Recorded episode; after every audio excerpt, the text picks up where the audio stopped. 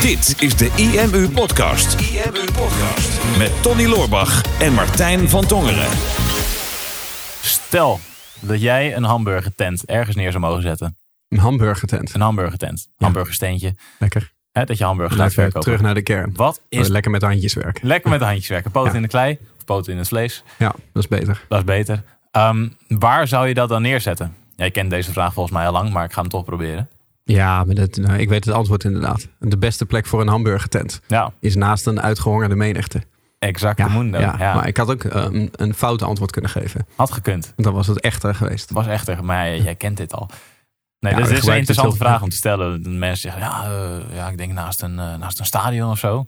Mhm, Waarom, ja, waarom, zijn, waarom is er en een McDonald's en een Burger King en een Febo naast een stadion? mhm. Omdat na zo'n voetbalwedstrijd Een uitgehongerde Uitgehongerde menigte. menigte is. Al dan niet een hele boze menigte. Ja. En, en als je boos bent, Frustratie altijd lekker om hamburgers te eten. lekker, lekker kwaad, lekker stukken vlees afscheuren. Heerlijk. Ja. Van waar deze vraag, denk jij? Nou, dat hadden wij gekregen als inzending voor de podcast. Nee, Deze vraag. nee niet deze Oh, is vraag, maar wel een, een vraag die mij... Ja, heel kort. Ja, mee. Punt. Oké. Outro. Fade in now.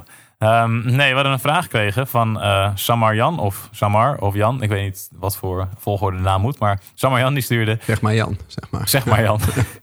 Eh Samar Jan, dat kan ook gewoon een accent zijn. Dus Ja, zeg ja. maar Jan, Samar Jan. Ja, kijk nou uit met deze discussies. Kijk nou uit. Oké. Ehm, bestaat er een verzadigd product of kan je alles verkopen mits je een goede marketing hebt? En ik moest even aan die vraag denken. Want ik ja, een hamburger.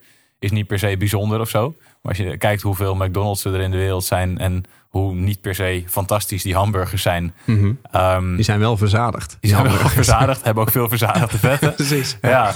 Ehm, zou je kunnen denken dat zelfs als een product verzadigd is, of verzadigde vetten bevat, dat je Mhm. het alsnog kan verkopen. Ja. Dus kan je, is, bestaat er zoiets als een verzadigd product of kan je het altijd verkopen mits je goede marketing hebt? Dat is de vraag.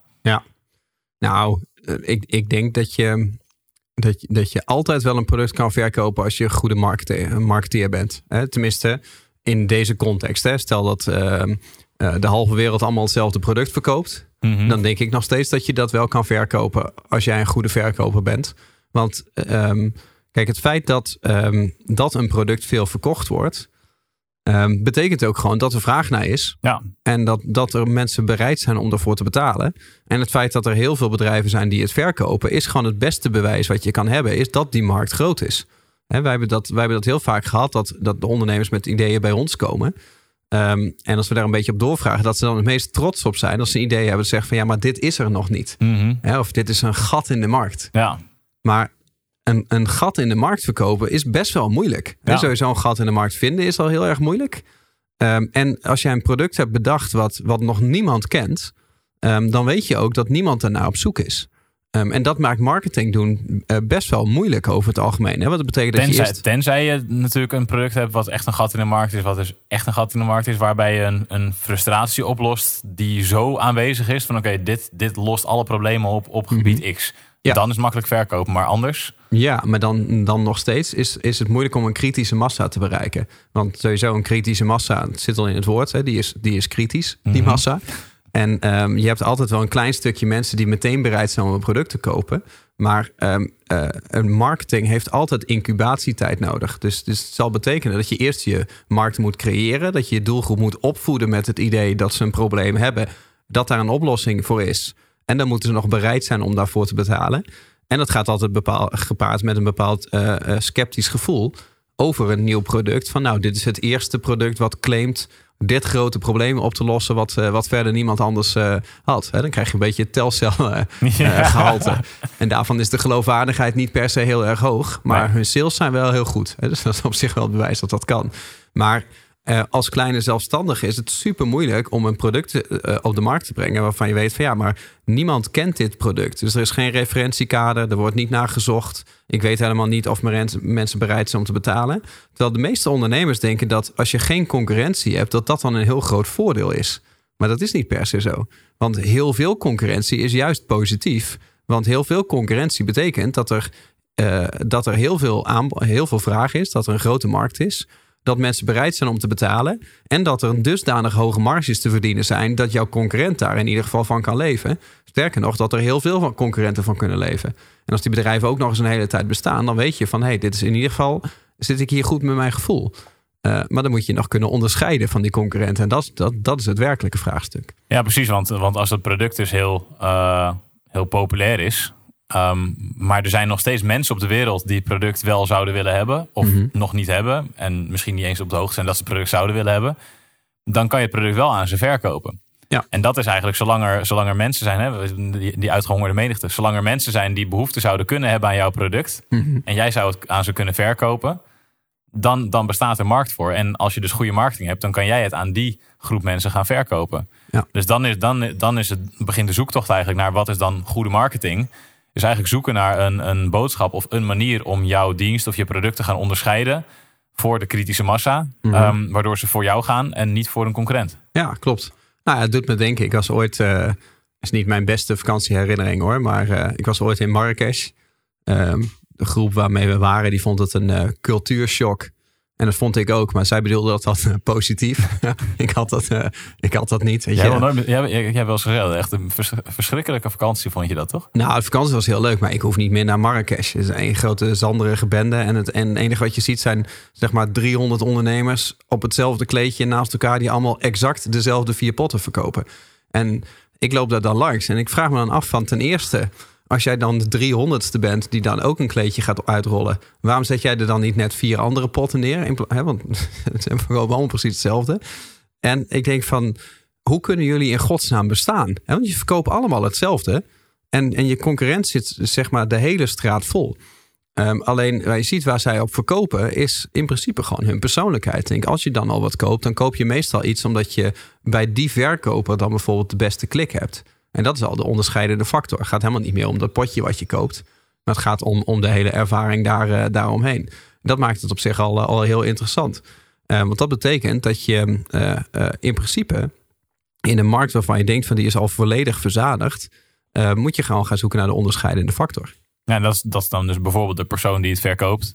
Mm -hmm. Of een, een um, een kenmerk van het product misschien wat jij belicht, wat een concurrent misschien niet belicht. En ja. dat is ook weer een manier van verkopen natuurlijk. Klopt, ik weet alweer wat ik wilde zeggen. Want ik zat mezelf vast te praten. Ik wist ja, niet meer waar ik naartoe ja. wilde. Ja, ik dacht, nou mag jij even wat zeggen. Ik, ik, dacht dat je nog midden in je verhaal zat, maar is goed. Ik, ik pak precies. hem even over nee, en ik, geef hem weer aan je terug. Ik dacht van, ik wilde twee voorbeelden geven. Marrakesh en nog iets, maar ik wist het niet meer. Maar weet je nog, die man die uh, uh, op ons vorige seminar, die uh, barista... Ja. Die uh, man die bij de, bij de lunch stond. Legend. Kijk, um, die, die verkocht in principe gewoon Enzo, koffie. Enzo Ferrari. Enzo Ferrari, ja. ja. Prachtig. Ja. En um, ik had dat de, de eerste dag kwam ik hem tegen. Ik liep gewoon door, door, de, door de gemeenschappelijke ruimte. Uh, onderweg naar de zaal. En hij vroeg of ik koffie wilde. Nou verkocht hij dat in principe niet eens. Want het zat er volgens mij bij in. Ze hoeft helemaal niet meer los te betalen. Wij hadden dat al betaald. Maar, het, ja, maar hij verkocht het aan mij. In de zin van, hij maakte echt, uh, ja, ik kan het niet nadoen hoor, maar dat hele Italiaanse had ja. hij. Hij maakte echt de koffie is de allerbeste Italiaanse koffie die ik hier voor u, speciaal voor u meneer, speciaal voor u meneer, ik heb hier die koffie voor u, is hartstikke lekker. Ik kom hem zo naar u brengen, ja. Ja, dat, dat. Ja, ik hoopte al dat jij hem even zou doen. ja. ja of zou nadoen, dat is iets anders. maar... ja, ik was niet van plan om het te doen. En zo, ik kom eraan. ja, ja. Nee, verkocht koffie en zo. Ja. ja.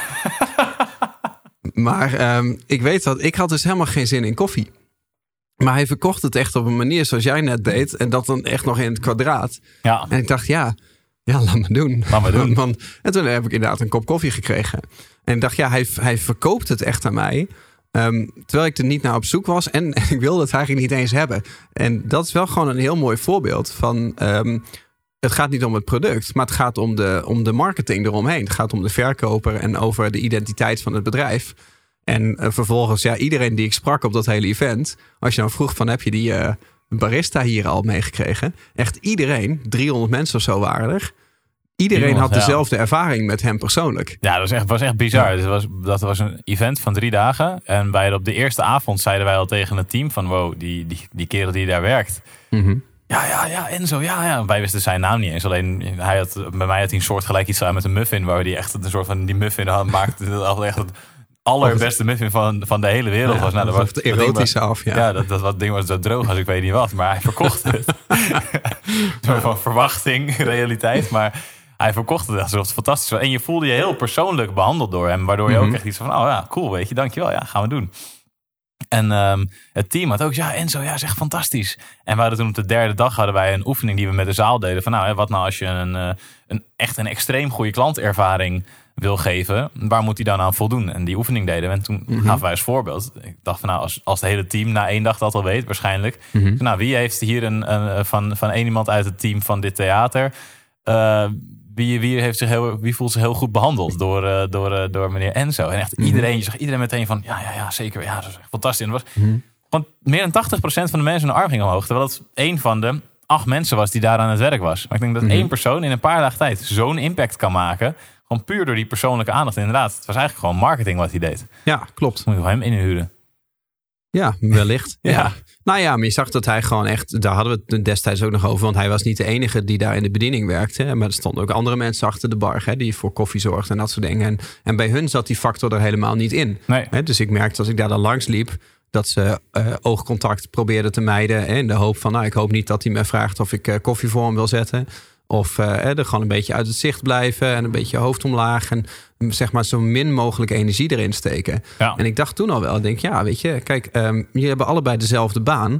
Ja, hij, hij maakt er wat van. Hè? Dus, dus hij maakt echt zijn eigen wereld. En, eh, en hij heeft zijn eigen eh, persoonlijkheid erin gevonden. En die, die- en die gaat maximaal energie gaat hij naar huis. Met een extreme dankbaarheid van iedereen die die heeft aangeraakt. En, en die andere mensen, ja, die gaan echt naar hun baan. En ja, die zijn dan blij als het, als het erop zit aan het Ja. einde van de dag. En dan hoop je dat je niet al te veel mensen boos hebt gemaakt. Of dat je, ehm, dat je niet al je energie opgebruikt hebt. Dat je er een beetje tussendoor hebt Dat kunnen net lopen. voldoende hebt gedaan zodat je je baan kan behouden. Ja, klopt. En ik denk, nou, dat, dat- dat, maakt niet uit. Dan moet iedereen zelf kiezen. Maar ik denk van ja, dat ligt een beetje aan wat je er zelf van maakt. En dat is ondernemen is dat natuurlijk ook. Van als jij eh, iets, iets nieuws gaat doen en je gaat een product verkopen wat, ehm, wat al heel veel verkocht wordt. Ehm, en je denkt, ja, de markt is misschien wel verzadigd. Dat is echt een verhaal wat je jezelf kan vertellen. Van ja, ik kan net aan rondkomen en eh, ja, eh, de, de markt is zo zwaar. En aan alle kanten word ik eh, onder, ondermijnd qua prijzen. Of ik mag van de fabrikant mag ik, mag ik dit en dat niet doen. Dus bijvoorbeeld, ik ga nu MacBooks verkopen.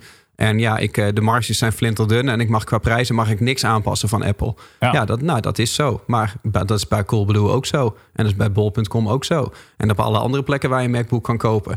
Maar alleen al het feit dat Coolblue en Bol.com ze ook verkopen... en daar wel een goede business aan draaien... ja, dat is al reden genoeg om, om, om te realiseren... dat het dus niet aan dat product ligt. Het ligt eraan wat zij eromheen hebben gebouwd. En er zijn een heleboel mensen die bijvoorbeeld als ze een laptop willen kopen... gewoon nu al weten dat ze dat bij Coolblue gaan doen. Of juist bij Bol.com bijvoorbeeld. Ja. Of juist bij eh, de kleine zelfstandigen in de, in de straat. Omdat ze daar een persoonlijke klik mee hebben. Ja, en dat doe je vanwege de persoon en vanwege het bedrijf. En dat is in principe natuurlijk ook marketing.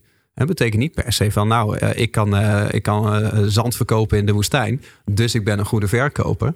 Ehm, dat je heel veel sales skills hebt. Het betekent ook gewoon dat je hele goede marketing skills hebt. Ja, heb jij dat niet gehad met, met de afgelopen maanden, de coronaperiode? Ehm, iets wat, wat ik wel wat bewuster ben gaan doen, is de producten die ik normaal gesproken altijd bij de Albert Heijn of, of bij een, bij een groot, eh, groter bedrijf zou bestellen, dat ik dat nu wat vaker dan bij een lokale winkelier bijvoorbeeld ging kopen. Gewoon puur om de lokale ondernemer te steunen. En vooral ook bij de eh, ondernemers waar ik al eens eerder binnen was geweest. En waarvan ik dacht, ah, die heeft echt zo'n gunfactor. Die wil, ik, die wil ik ook ondersteunen. Die wil ik ook helpen. Ja. Dus wij hebben een aantal restaurants bij ons in de buurt. En er is één Italiaans restaurant, toevallig ook Italiaans. Mhm. Waar echt zo'n zo'n toffe eigenaar is. En, en die, die echt met een passie en enthousiasme. en Italianen doen het gewoon heel erg die, goed. die doen het gewoon heel erg goed. Daarom hebben zij ook ons geld. Waarschijnlijk daarom, ja. Dat is een beetje het punt ook in de economie. Misschien be- moet ik een keer de oorzaak wegnemen in plaats van het probleem oplossen. Hmm. En stop met geld overmaken naar de Italianen, omdat ze zo charmant zijn. Ik zal mijn best doen. Ja. Maar goed, dat, die, die heeft ook zo'n extreme gunfactor. Dat je gewoon even, oké, we willen gewoon daar naartoe en, en daar uit eten gaan. M- misschien nog wel meer om, om de eigenaar dan om het eten zelf. Mhm. Denk, ja, want een pizza die kan je overal wel bestellen. Of die kan je overal, daar kan je, dat kan je bij elk Italiaan wel vinden. Maar ja, je gaat daarheen voor de ervaring en de sfeer. En gewoon omdat je die persoon gunt. Ja, Terwijl klopt. een pizza is ook, is ook vol verzadigd volgens mij. Dat is wel verzadigd. Ja. Ja, maar ja, dat, eh, weet je, dat net, net als McDonald's. Hè? Ik, ik weet niet hoeveel eh, vestigingen er inmiddels zijn. Maar er is geen enkele McDonald's volgens mij wereldwijd verliesgevend. Volgens mij is dat een eh, gegeven. En maakt niet uit waar ze staan. Als je soms dan, dan rij je echt in the middle of nowhere. Dan denk je, ja, er, er woont hier niet eens iemand. Of je rijdt ergens op een snelweg en dan rij je gewoon door een akkerland. En dan zie je gewoon eens een McDonald's staan. Dan denk je, ja, ik weet ook niet hoe ik er moet komen. Er is helemaal geen weg naartoe. Maar ik weet zeker, als ik het zou komen, dat er waarschijnlijk mensen binnen zitten die, die daar aan het eten zijn. En, en de mensen die naar McDonald's gaan, ja, die gaan daar naartoe. Sommigen omdat ze de hamburger heel erg lekker vinden. Uh, maar meestal is het omdat je weet dat je snel bediend wordt en je weet exact wat je krijgt. Ja. dus, en dat je niet te veel betaalt. He, zo hebben zij verschillende soorten doelgroepen. Maar die hebben zich ook gewoon heel specifiek weten te onderscheiden. En ik denk dat dat, dat, dat het wel is. Het, gaat, het gaat echt niet om die hamburger.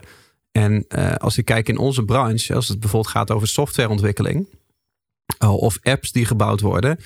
Ja, je wil niet weten hoeveel schitterende software er ieder jaar wordt gebouwd. En prachtige apps die gewoon uh, nooit gebruikt worden. Hè, die gewoon niet goed vermarkt worden. Ik denk dus zelfs dat er meer goede producten sneuvelen. omdat ze niet goed vermarkt worden. Dan dat er slechte producten succesvol worden. omdat ze wel goed vermarkt worden. Ja. Dus, het gaat nooit per se om het, uh, om het product. Het gaat om, om de laag die je eraan toevoegt. Dus dat is denk ik in het kort samengevat de vraag: van, kan een product verzadigd zijn? Ik denk nou, een product niet per se, behalve dan die hamburger. Kan een markt verzadigd zijn? In zekere zin wel. Totdat jij een manier weet om je te onderscheiden wat iemand anders nog niet doet.